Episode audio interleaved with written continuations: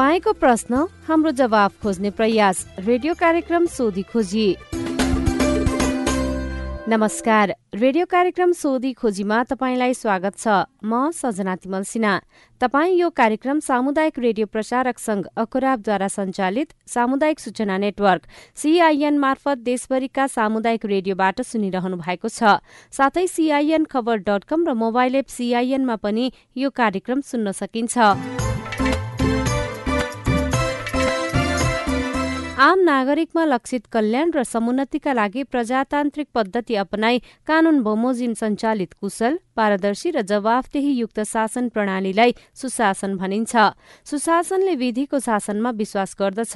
शासन सत्तामा रहेका व्यक्तिले देश र जनताको सेवकको रूपमा आफूलाई नबुझेसम्म सुशासनले मूर्त रूप लिन सक्दैन। अनि सुशासनमा सार्वजनिक सेवा प्रवाह गर्ने राज्य यसका निकाय र सिंह प्रशासन तन्त्रले देश र जनताको भलाइका लागि काम गर्न निस्वार्थ रूपमा छिटो एवं छरितो सेवा प्रवाह गर्नुपर्दछ। तपाईँले ती सेवा कसरी पाइरहनु भएको छ। तपाईँका सवाल र सेवालाई नागरिक मैत्री बनाउन केही प्रश्न तथा जिज्ञासाहरू छन्? तपाईँले सीआईएनमा पठाएका तिनै प्रश्न जिज्ञासाको हामी जवाब खोज्नेछौं। तपाईँले गरेको प्रश्न सवाल हो। सवालको जवाफ कसले दिन्छ? यी जम्मै सवालको प्रमुख जिम्मेवार को हो? हामी जिम्मेवार निकाय र व्यक्तिलाई सोध्ने मात्रै छैनौं त्यसको खोजी पनि गर्नेछौ। तपाईँको प्रश्नको उत्तर मात्रै खोज्ने छैनौं त्यसपछि त्यो सवाललाई टुङ्गोमा पुर्याउन के भइरहेको छ त्यसको पनि सोधी खोजी गर्नेछौ। हाम्रो टेलिफोन नम्बर शून्य एक बान्न साठी छ चार छमा फोन गरेर रेकर्ड गर्नुहोस्। यो नम्बरमा तपाईँले जुनसुकै बेला फोन गरेर आफ्नो प्रश्न रेकर्ड गर्न सक्नुहुनेछ। तपाईँ प्रश्न राख्नुहोस् हामी जवाफ खोज्नेछौ कार्यक्रम सोधी खोजीमा। देश संघीयतामा गएपछि सात सय त्रिपन्नवटा स्थानीय सरकार छन्। सात प्रदेश सरकार र केन्द्रमा संघीय सरकार छ। संघ प्रदेश र स्थानीय सरकारबाट सम्पादन हुने काममा ढिलासुस्ती छ अनियमितता भएको छ नियम मिचेर कसैले काम गरेको छ भने तपाईँले ती गुनासा सीआईएनमा राख्न सक्नुहुनेछ। घर दैलोमा सरकार पुगेपछि नागरिकले प्रभावकारी सेवा पाउने र विकासको कामले प्राथमिकता पाउने आशा गरिएको थियो। के नागरिकले त्यही आशा अनुसारको सेवा पाइरहेका छन् छैनन् भने ती प्रश्न पनि तपाईँले राख्न सक्नुहुनेछ। आज हामीसँग वैदेशिक रोजगार र शिक्षाका विषयमा आएका तपाईँका प्रश्न अनि ती प्रश्नको जवाब छन्। सुरुमा इपिएस कोरिया भाषा परीक्षाको विषयमा आएका तपाईँका प्रश्न अनि ती प्रश्नको जवाब सबै प्रश्नको जवाफ दिँदै हुनुहुन्छ श्रम रोजगार तथा सामाजिक सुरक्षा मन्त्रालय अन्तर्गतको इपिएस कोरिया शाखाका निर्देशक पुष्पराज कटुवाल। प्रश्नोत्तरको सुरुमा इटहरीका कृष्ण दाहालको प्रश्न। उहाँले कोरिया भाषा परीक्षा कहिले हुन्छ परीक्षा पास गरिसकेपछि जान कति लागत लाग्छ अनि यसपालि नेपालको लागि कति कोटा छ भनेर सोध्नु भएको छ। अहिले हाम्रो कोरियन भाषा यो कृषि तथा पशुपालन क्षेत्रतर्फको लागि चाहिँ हामीले इनाउन्समेन्ट गरेका छौँ। यो एप्लिकेसन चाहिँ हाम्रो डिसेम्बर उन्नाइसदेखि तेइससम्म छ यो अनलाइन एप्लिकेसन हो। अनलाइन फर्म भर्नुपर्छ। अनलाइनबाट यहाँहरूले फर्म भर्न सक्नुहुन्छ। यहाँहरूले चाहिँ अब हाम्रो website EPS Nepal dot G O V dot एनपीमा यहाँहरूले हेर्न सक्नुहुन्छ के के हो यो प्रक्रियाहरू कहिले परीक्षा हुने भन्ने विषयमा चाहिँ यहाँहरूले त्यहाँ हेर्न सक्नुहुन्छ। र अर्को विषय चाहिँ हामीले यो सरकारी प्रणालीबाट कोरिया पठाउने नेपाल सरकार र कोरिया सरकार बिच भएको सम्झौता बमोजिम यो चाहिँ सरकारी माध्यमबाट चाहिँ कोरिया पठाउने हो। यसमा चाहिँ अब लागत भनेको यो टिकट एयर टिकट बाहेक पैँतिस हजार जति लाग्छ। हाम्रो यो शुल्कहरू भनेको पैँतिस हजार जति लाग्छ यो परीक्षामा आवेदन शुल्कदेखि लिएर र यो कोरिया उड्नुभन्दा अगाडि तिर्नुपर्ने शुल्कहरू यति हो र टिकट चाहिँ अब सम्बन्धित एयरलाइन्सले यहाँहरू आफैले सम्बन्धित एयरलाइन्समा टिकट काट्नुपर्ने हो र यो एयरलाइन्सको टिकट चाहिँ एयरलाइन्सले नै तोकेको दर रेटमा हुन्छ। कोटा कति छ भनेर नि सोध्नु भएको कोटा चाहिँ अब हाम्रो के छ भने यो पासर्सको कोटा यो एग्रिकल्चर तर्फको चाहिँ अहिले पासर्सको कोटा चाहिँ छ हजार रहेको छ। यो दुई हजार बाइसको अतिरिक्त परीक्षा भएको हुनाले अहिले हामीले आवेदन खोलाको चाहिँ अतिरिक्त परीक्षा हो दुई हजार बाइसमा। अब यस पूर्व पनि दुईवटा परीक्षाहरू सञ्चालन भइसकेका छन् र यो चाहिँ एग्रिकल्चर तर्फको अतिरिक्त परीक्षा हो। यसमा छ हजार चाहिँ पासर्सको सङ्ख्या रहेको छ।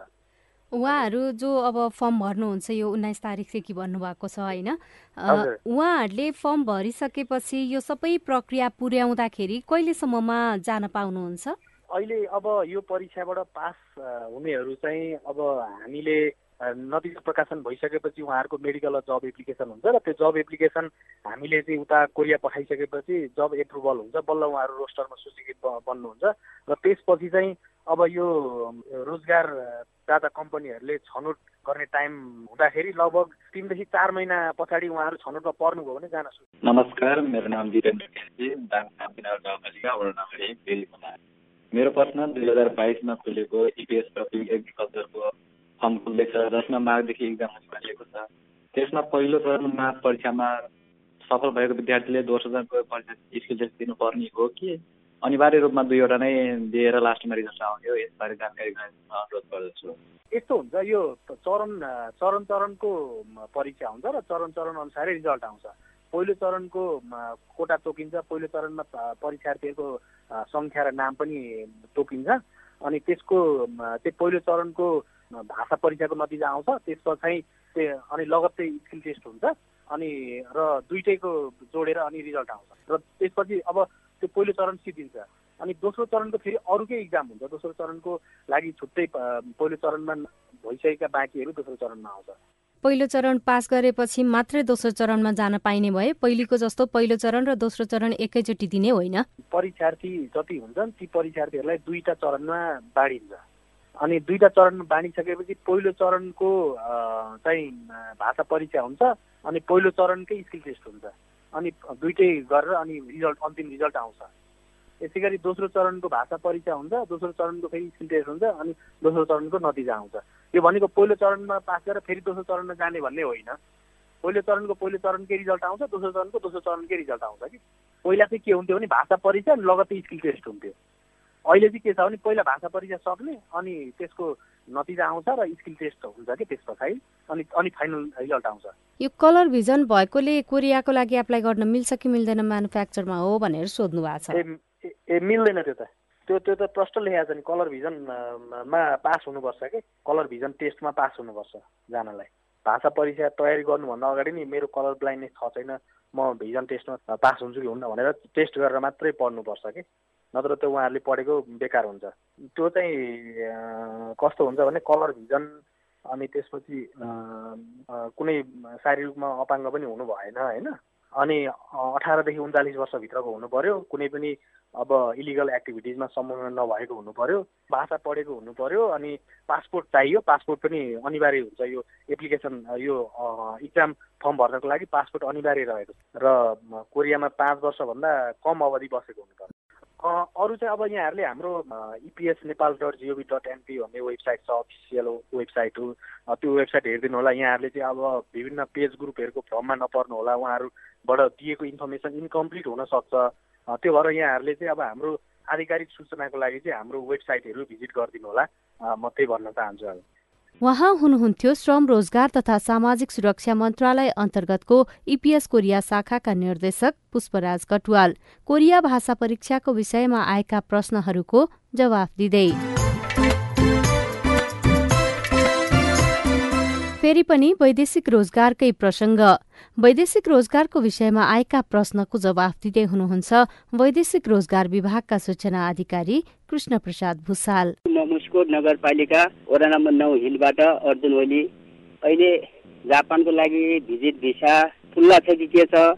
अनि भिजिट भिसा खुल्ला भएको भए जापान भिजिट भिसामा घुम्न जानुको लागि मैले कहाँ सम्पर्क गर्नु पर्ला मलाई लाग्छ जापान भिजिट भिसामा जान नपाइने भन्ने चाहिँ छैन होला तर जापानी एम्बेसीले चाहिँ भिसा दिनु पर्यो मुख्य कुरा चाहिँ। अब तपाईँ काम गरेर नजानियो भने त्यही अनुसारको श्रम स्वीकृति लिएर जानुपर्ने हुन्छ। भिजिट भिसा सम्बन्धी जानकारी चाहिँ हाम्रो अफिसलाई पनि नहुने हुनाले यसको लागि चाहिँ बरु तपाईँले अध्यागमन विभागतिर बुझ्दा चाहिँ अझ राम्रो होला। म भेरी नगरपालिका नौ चार्जरकोटदेखि नेपालबाट मलेसिया जाने कामदारको लागि नेपाल सरकारले निशुल्क पठाउने भन्दै छ। तर म्यान पावरहरूले त ढाई लाखदेखि साठी तिन लाखसम्म अस्ति लिने गरेका छन्। यो के नेपाल सरकारले निशुल्क पठाउने भन्ने तर त्यत्रो पैसा तिरेर जानुपर्ने वहाँ गएर पनि राम्रो काम भएन भने फर्किनु पर्छ। फर्किनु पर्यो भने वहाँका कम्पनीहरूले पाँच हजार रुपियाँ माग्ने गर्छन्। खासमा यो हामी निशुल्क जानुलाई अनि यो निशुल्क सेवा पाउनलाई हामीले कहाँ गएर के गर्नुपर्छ कहाँ के निवेदन दिनुपर्छ यो जानकारी गरी पाऊँ भन्ने वास्तवमा नेपाल सरकारले चाहिँ खाडी मुलुक र मलेसियाका लागि चाहिँ फ्री टिकट फ्री भिसाको नीति लिएको छ।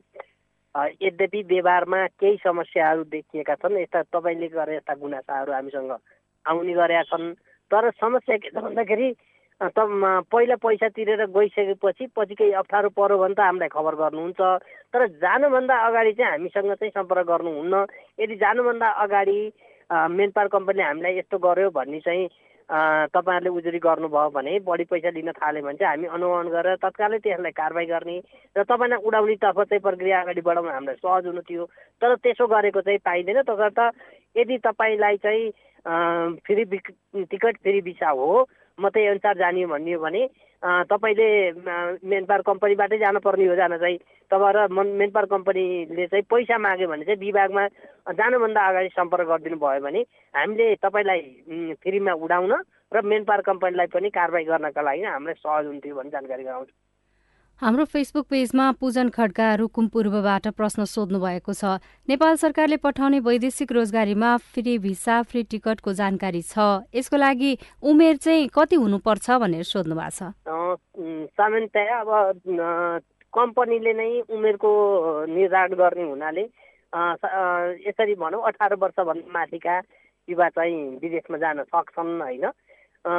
तर कतिपय ठाउँमा चाहिँ त्यो उमेरको हद फरक पनि हुनसक्छ। तिसदेखि चालिस भनेको हुनु पनि सक्छ पच्चिसदेखि चालिस भनेको पनि हुनसक्छ त्यो अवस्थामा बाहेक अठार वर्षभन्दा माथिका युवाहरू चाहिँ वैदेशिक रोजगारीमा जान सक्छन् जसले चाहिँ पासपोर्ट बनाउन सक्छ होइन? त्यस्ता युवाहरू जान सक्ने भन्ने कुरो भएन। फ्री टिकट फ्री भिसाको कुरा त मैले अघि नै भनिसकेँ।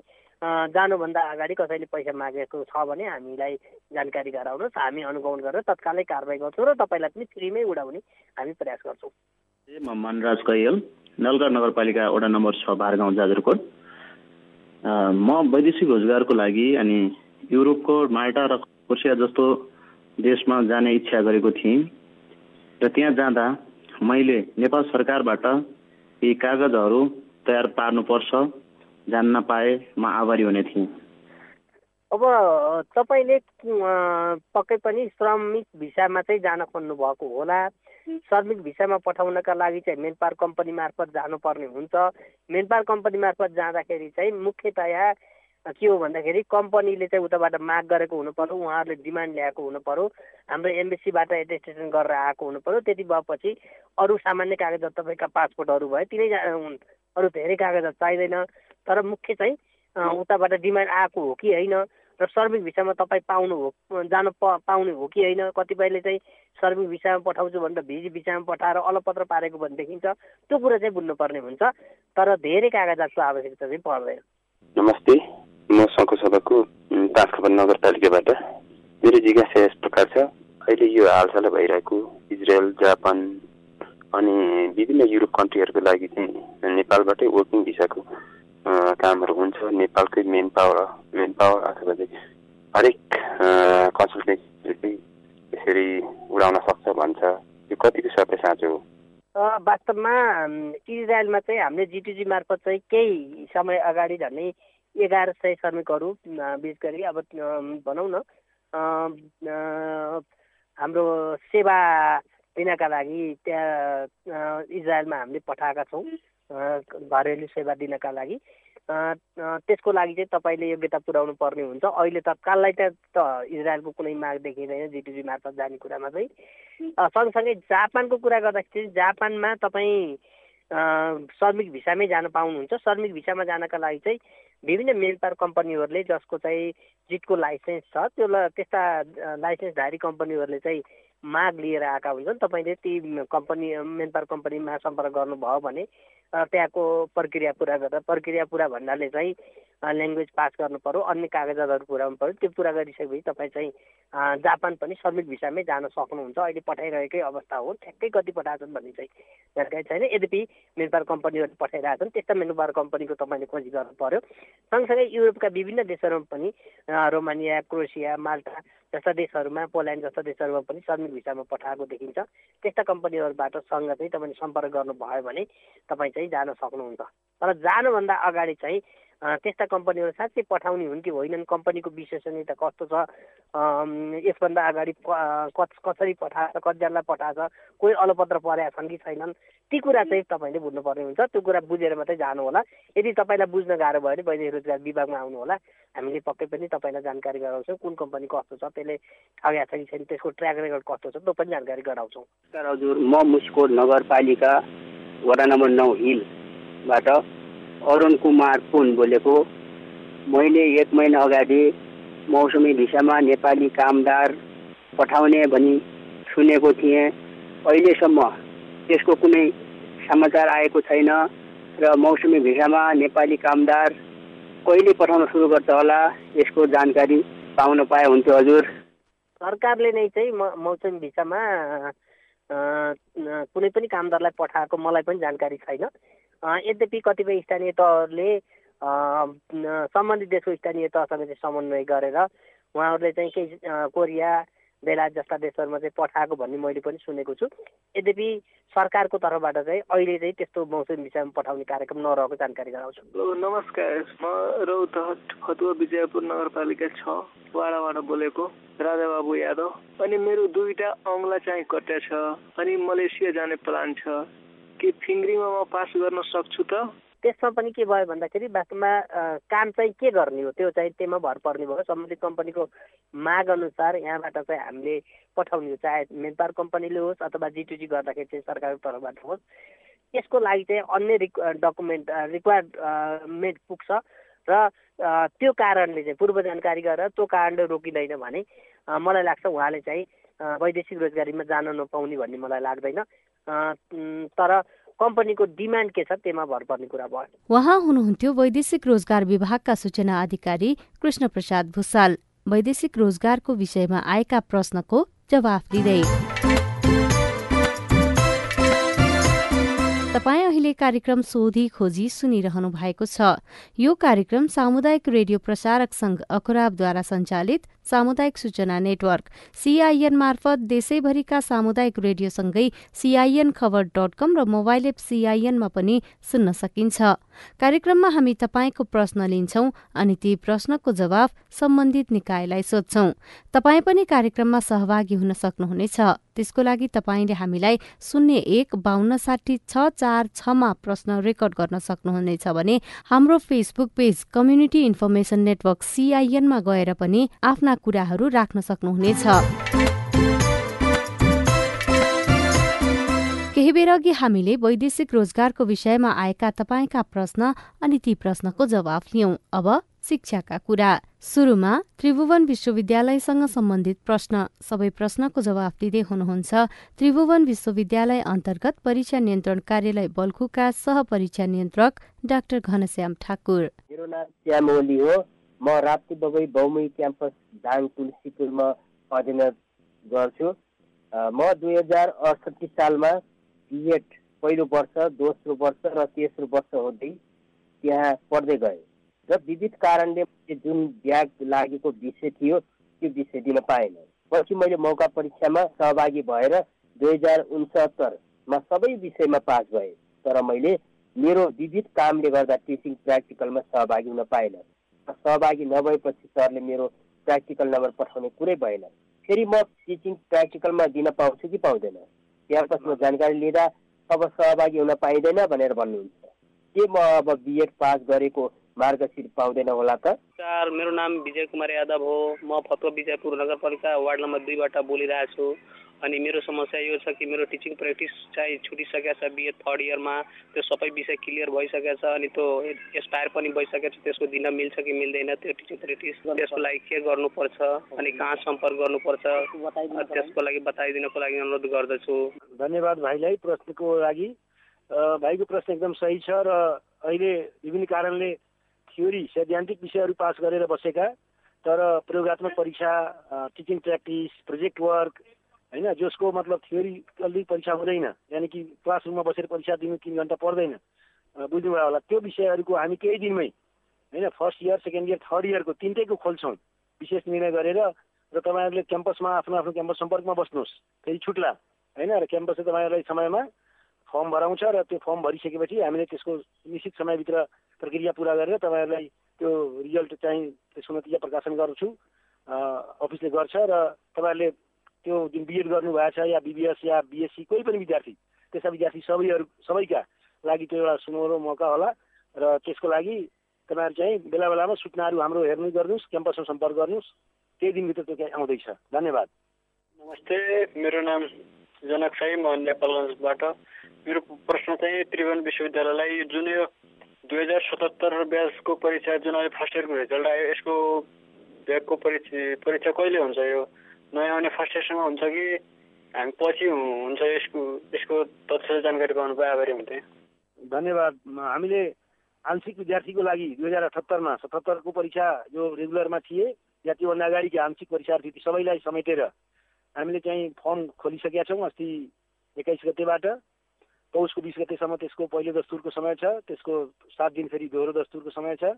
फर्म भर्नुहोस् हामीले निश्चित समय पछाडि त्यसको के अरे परीक्षा तालिका निकाल्छौँ कार्यक्रम र तपाईँहरू पढ्ने तयारी गर्नुहोस्। अहिलेदेखि नै त्यसको परीक्षा हामी आफ्नो हिसाबले गर्छौँ तर तपाईँहरूको चाहिँ पढ्ने काम गर्नुपर्छ। अहिलेदेखि नै। धन्यवाद। हेलो हजुर नमस्कार। म जुम्लाबाट विशाल राई।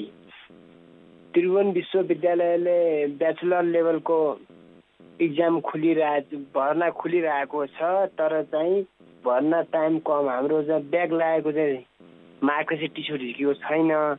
तर चाहिँ टियुले भन्छ छिटो फुल डकुमेन्ट नभएसम्म भर्ना गर्न दिन्न भन्छ। त्यसको लागि केही विकल्प नहोला र यसको बारेमा केही बुझ्न पाए हुन्थ्यो कि? धन्यवाद। अब हामीले हाम्रो प्रक्रिया अनुसार रिजल्ट नतिजा प्रकाशन गरेको एक महिनाभित्र मार्कसिट क्याम्पस क्याम्पसमा पुर्याउने व्यवस्था गरिरहेछौँ। भाइ बहिनीहरूले आफ्नो समयमा आफ्नो क्याम्पसमा गएर त्यो मार्कसिटहरू लिनु पर्यो होइन? र यदि त्यहाँ पुगेको छैन भने क्याम्पस प्रमुख मार्फत हामीलाई सम्पर्क गराएर तुरन्तका तुरन्त हामी त्यो पठाउन लगाउँछौँ। र भाइ बहिनीहरूले आफ्नो ट्रान्सक्रिप्ट निकाल्नु पर्यो त्यस पछाडि जो हाम्रो बल्कु अफिसले उपलब्ध गराउँछ। र भर्ना गर्नेदेखि लिएर रोजगारीको लागि विदेश जानको लागि सबैको लागि त्यो काम गर्ने हुन्छ त्यो काम चाहिँ त्यसरी चाहिँ हामी गर्न सक्छौँ। जगत बिए रिजल्ट कहिलेसम्म आउट हुन्छ होला? धन्यवाद मैले प्रश्न अलि अधुरो जस्तो लागि सुनिनँ बिए तिन वर्ष थर्ड इयरको रिजल्टको काम प्रक्रियामा गइसकेको छ। केही दिनमा आउँछ त्यो ठ्याक्कै समय भन्न त मिलेन कति दिनमा। तर काम बढिरहेको हुनाले अब छिटोभन्दा छिटो हामी निकाल्छौँ।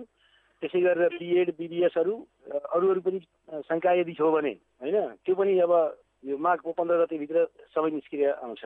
धन्यवाद। उहाँ हुनुहुन्थ्यो त्रिभुवन विश्वविद्यालय अन्तर्गत परीक्षा नियन्त्रण कार्यालय बल्खुका सहपरीक्षा नियन्त्रक डाक्टर घनश्याम ठाकुर। अब कक्षा बाह्र बारे आएका तपाईँका प्रश्नको पालो। प्रश्नोत्तरमा हुनुहुन्छ राष्ट्रिय परीक्षा बोर्ड अन्तर्गत कक्षा बाह्रका परीक्षा उपनियन्त्रक कृष्ण घिमिरे। नागरिकता जन्म दर्ता अनि दस क्लासको सर्टिफिकेटमा चाहिँ मेरो नाम एउटै डिगुमा छ जय नारायण एउटै डिगुमा छ है। अनि एघार र बाह्रकोमा चाहिँ मेरो नाम चाहिँ दुईवटा डिगुमा छ के? जय अनि जय एउटा डिगुमा अनि नारायण अर्को डिगुमा यो दुईवटा डिगुमा छ। यसले चाहिँ असर समस्या होला कि नहोला अब यदि सच्याउनु पर्यो भने कहाँ गएर के गर्न सक्छु होला यसको बारेमा जान्न पाए आभारी हुने थियो। नायुता र एससीमा जे नाम छ एघार बाह्रमा पनि त्यही नाम हुनुपर्ने हुन्छ। एउटै डिकोमा छ भन्नुभएको थियो यहाँले त्यसको लागि ठुलो समस्या पर्दैन। यहाँले आफ्नो नागरिकता अनि एससीको सर्टिफिकेटको फोटोकपी र एघार बाह्रको सकल मार्कसिट लिएर आउनु भनेदेखि हामी सच्याइन्छ त्यो सानटिमेबाट सचिन्छ त्यसको लागि शुल्क लाग्दैन। नमस्कार मेरो नाम रूपा बुढाथोकी बाक्सो नगरपालिका नौ सल्यानदेखि बोल्दैछु। मेरो जिज्ञासा के छ भने राष्ट्रिय परीक्षा बोर्डले लिएको कक्षा बाह्रको परीक्षामा यो पटक म सहभागी हुन सकिनँ। मैले कुनै पनि विषयको इक्जाम दिन पाइनँ किनकि म बिरामी थिएँ अब मैले अर्को वर्ष परीक्षा दिनको लागि कहिले परीक्षा फर्म भर्नुपर्छ के के प्रक्रिया पुरा गर्नुपर्छ र परीक्षा फर्म भर्न कति शुल्क लाग्छ भनिदिनु होला यहाँले परीक्षा दिन नपाएको कुरो भन्नुभएको छ अब हामी माघमा हाम्रो सेड्युल अनुसार माघमा यो सूचना निकाल्छौँ परीक्षा फारम आवेदन आवेदन फारमको सूचना निकाल्छौँ त्यो बेला यहाँले फारम भर्न सक्नुहुन्छ स्कुल मार्फत फारम भर्नुपर्ने हुन्छ र शुल्कको हिसाबले यहाँले अहिलेसम्म हाम्रो जुन शुल्क कायम छ त्यो छ सय रुपियाँ तिर्नु पुग्छ यहाँले। नमस्कार म राजेन्द्र बहादुर साई कालीकोटबाट बोल्दैछु। मैले कक्षा बाह्रमा रेगुलर पास भएको छु तर मेरो कक्षा बाह्रको प्र्याक्टिकल नम्बर छुटेको हुँदा मलाई फेल देखायो। अब मैले कक्षा बाह्रका डकुमेन्ट निकाल्न पाउँछु कि पाउँदैन? कक्षा बाह्रका सम्पूर्ण विषयहरू नयाँ पाठ्यक्रम अनुसारका सम्पूर्ण विषयहरूमा प्र्याक्टिकल अथवा आन्तरिक मूल्याङ्कनका व्यवस्था गरिएको छ। ती विषयहरूमा मार्क्स नचढेसम्म यहाँले पास गरेको मान्यता पाउन सक्नुहुन्न त्यसैले कुन कुन विषयमा यहाँको प्र्याक्टिकल चढेको छैन त्यसको लागि विद्यालय मार्फत अब आउने माघमा फारम खुल्छ त्यो फारम भरेर मार्क्ससहित पठाउनु भयो भने सुरक्षित कार्यालयले हामीलाई पठाउँछ र सुरक्षित कार्य पठाएको मार्क्स हामी अब अब आउने रिजल्टमा राखिदिन सक्छौँ। प्र्याक्टिकल बिना थ्योरी मात्रै पास भएको हिसाबलाई हामी सर्टिफिकेट दिने अब अवस्था छैन दिन सक्दैनौँ। नमस्कार म रोल्पाबाट सुशान्त रेग्मी। मैले चाहिँ कक्षा बाह्रको गत वर्ष परीक्षा दिएको थिएँ र एउटा सब्जेक्टमा चाहिँ एनजी आएको थियो। उक्त सब्जेक्टमा चाहिँ मैले पुनः इक्जाम दिएँ र फेरि पनि एनजी आएको छ। अब भने चाहिँ मैले सुरुबाट नै सबै सब सब्जेक्टहरूको परीक्षा दिनुपर्छ या उक्त सब्जेक्टको मात्र दिनुपर्छ यो विषयमा चाहिँ जानकारी गराइदिनु होला। निर्देशिका दुई हजार अठहत्तर अनुसार दुई विषयसम्म एनजी लागेका विद्यार्थीहरूले पूर्व परीक्षा दिने व्यवस्था गरेको थियो। र त्यही अनुसार यहाँले एक विषय लागेको भन्नुभएको थियो। एक विषय लागेको विद्यार्थीले फेरि पनि पूर्व परीक्षामा एनजी नै आएको अवस्थामा त्यो निर्देशिकाको खण्ड घ अनुसार त्यही विषयमा चाहिँ पैसा दिने व्यवस्था छ। यहाँ त्यही विषयमा पैसा दिनु पाउनु। उहाँ हुनुहुन्थ्यो राष्ट्रिय परीक्षा बोर्ड अन्तर्गत कक्षा बाह्रका उपनियन्त्रक कृष्ण घिमिरे। यो सँगै हामी कार्यक्रमको अन्त्यतिर आइपुगेका छौं। रेडियो कार्यक्रम सोधी खोजीमा हामी तपाईँको प्रश्नको जवाब खोज्छौं। तपाईँलाई यो कार्यक्रम कस्तो लाग्यो? नागरिकले प्राप्त गर्ने सेवा र विकास निर्माणको कामलाई गुणस्तरीय र प्रभावकारी बनाउन के गर्नु पर्ला?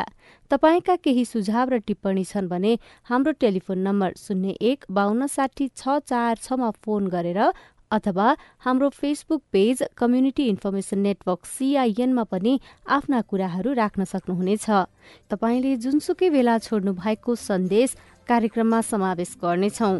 तपाईँ प्रश्न राख्नुहोस् हामी जवाफ खोज्नेछौ कार्यक्रम सोधी खोजीमा। यो कार्यक्रमलाई थप प्रभावकारी बनाउन तपाईँको सुझाव महत्वपूर्ण हुनेछ। हेलो सिआइएनमा हरेक दिन र रेडियो कार्यक्रम मार्फत अर्को हप्ता तपाईँका प्रश्नको जवाफ खोज्दै आइपुग्नेछौ। आजका लागि प्राविधिक साथी सुभाष पन्तलाई धन्यवाद। अहिलेको रेडियो कार्यक्रम सोधी खोजीबाट सजना तिमल सिना विदा हुन्छु। प्रश्न सोध्न अप्ठ्यारो नमानौ। नमस्कार।